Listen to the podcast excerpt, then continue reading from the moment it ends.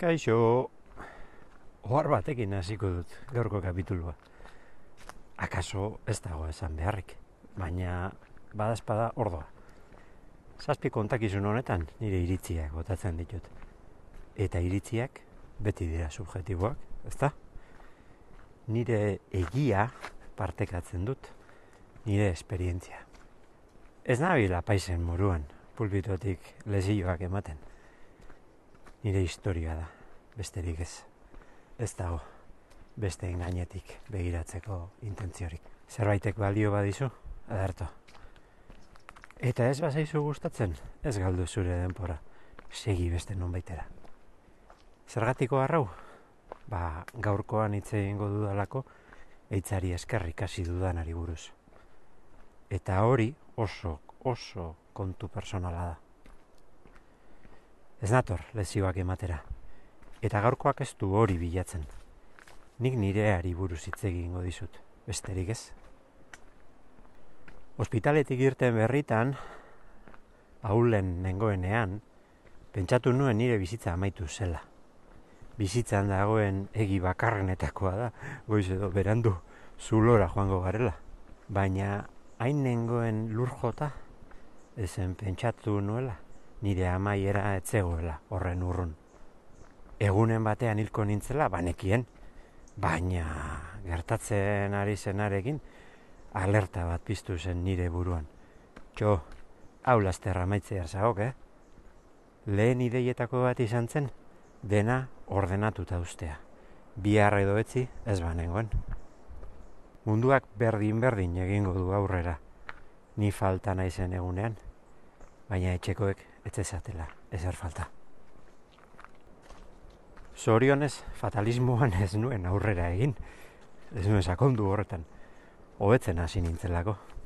Baina pelikula amaitzera zijoala jabetuta, bizitzaz gozatzen saiatzea nahi nuen. Zuloan egon izanari hori zordiot. Zaplada bat izan zen. Espabilatu, bizitza bakarra dagoela. Batzuk diote, esklerosian izkoitza izatea, bizitzan karta txarrak tokatzea dela. Eta ez nago ados. Nire kasuan ez behintzet. Bai, gaitza faena bada. Sendatzen duen botika ateratzen dutenean hilaran jarriko naiz, askar gainera. Baina nire mundua, nire bizitza, gaitzau baino askoz gehiago dela ikusten ari naiz. Gaitzak ez nau definitzen. Paper batean dio diagnostiko bat daukadala baina ez naiz horri begira bizi. Karta sorta handiagoa da. Berrogei karta daude, eta nik batxarra daukat. Besteak oso onak. Ikaragarri maite dudan familia bat daukat. Bizitza eman didaten ama eta aitaren gandik hasita. Badaki zer pasa behar izan duten, nirekin aurdun geratu zenetik ama. Akaso ez dira jabetzen, baina demaseko indarra ematen didate ikaragarri miresten nituen aitona amonak neuskan. Beti herrietan gabiltzan, baina asko maite dudan arreba. Lehen guzuak, osabaizebak, eta Maria. Beti Maria.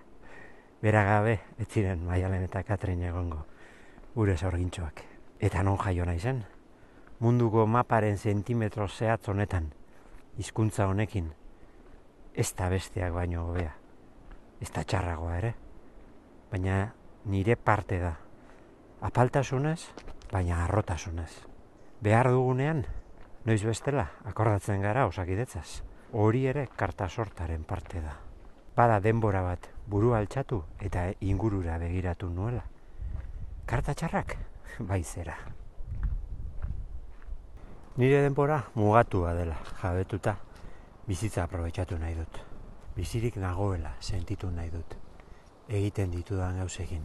Alperkeria gainditu, beldurrak atzean utzi eta bizitza gozatzen saiatzen naiz.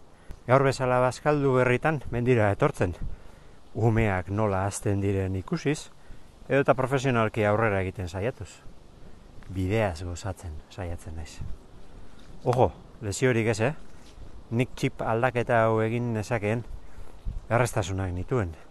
Baina hori karta sortaren parte da gure balorazioak egitean dena izan behar dugu kontuan. Nor bere buruari trampa egin barik. Bai, ni baino beto bizi diren batzuk egongo dira. Okerrago ere bai. Bestei begira ez dut demorarik galdu nahi. Nahikoa gauza dauzkate egiteko, geratzen zaidan demoran. Erresilientzia hitza modan dagoen honetan, nik nahiago dut nire burua optimista buru gogorro esala izendatzia. Ez duen beste molatuko, baina nireagoa da. Badaude nire bizitzan gustuko ez ditudan gauzak. Bazeuden eta aldatzen joan naiz. Moldatu dezakedana aldatzen saiatzen naiz. Horrela egin ditut zenbait aldaketa. Batzu egin ezin dut ezer egin, baina harreta ditudan gauza honetan jartzen dut. Asko dira eta. Begira, hau ez da bizitzako kolpeen apologia bat.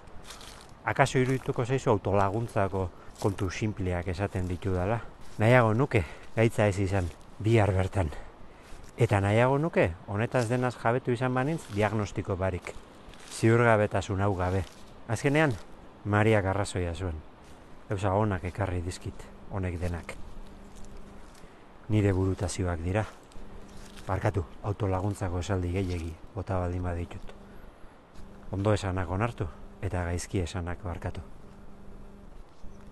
Aio, bezarka da hundi bat, eta hurrengo kapituluan gehiago.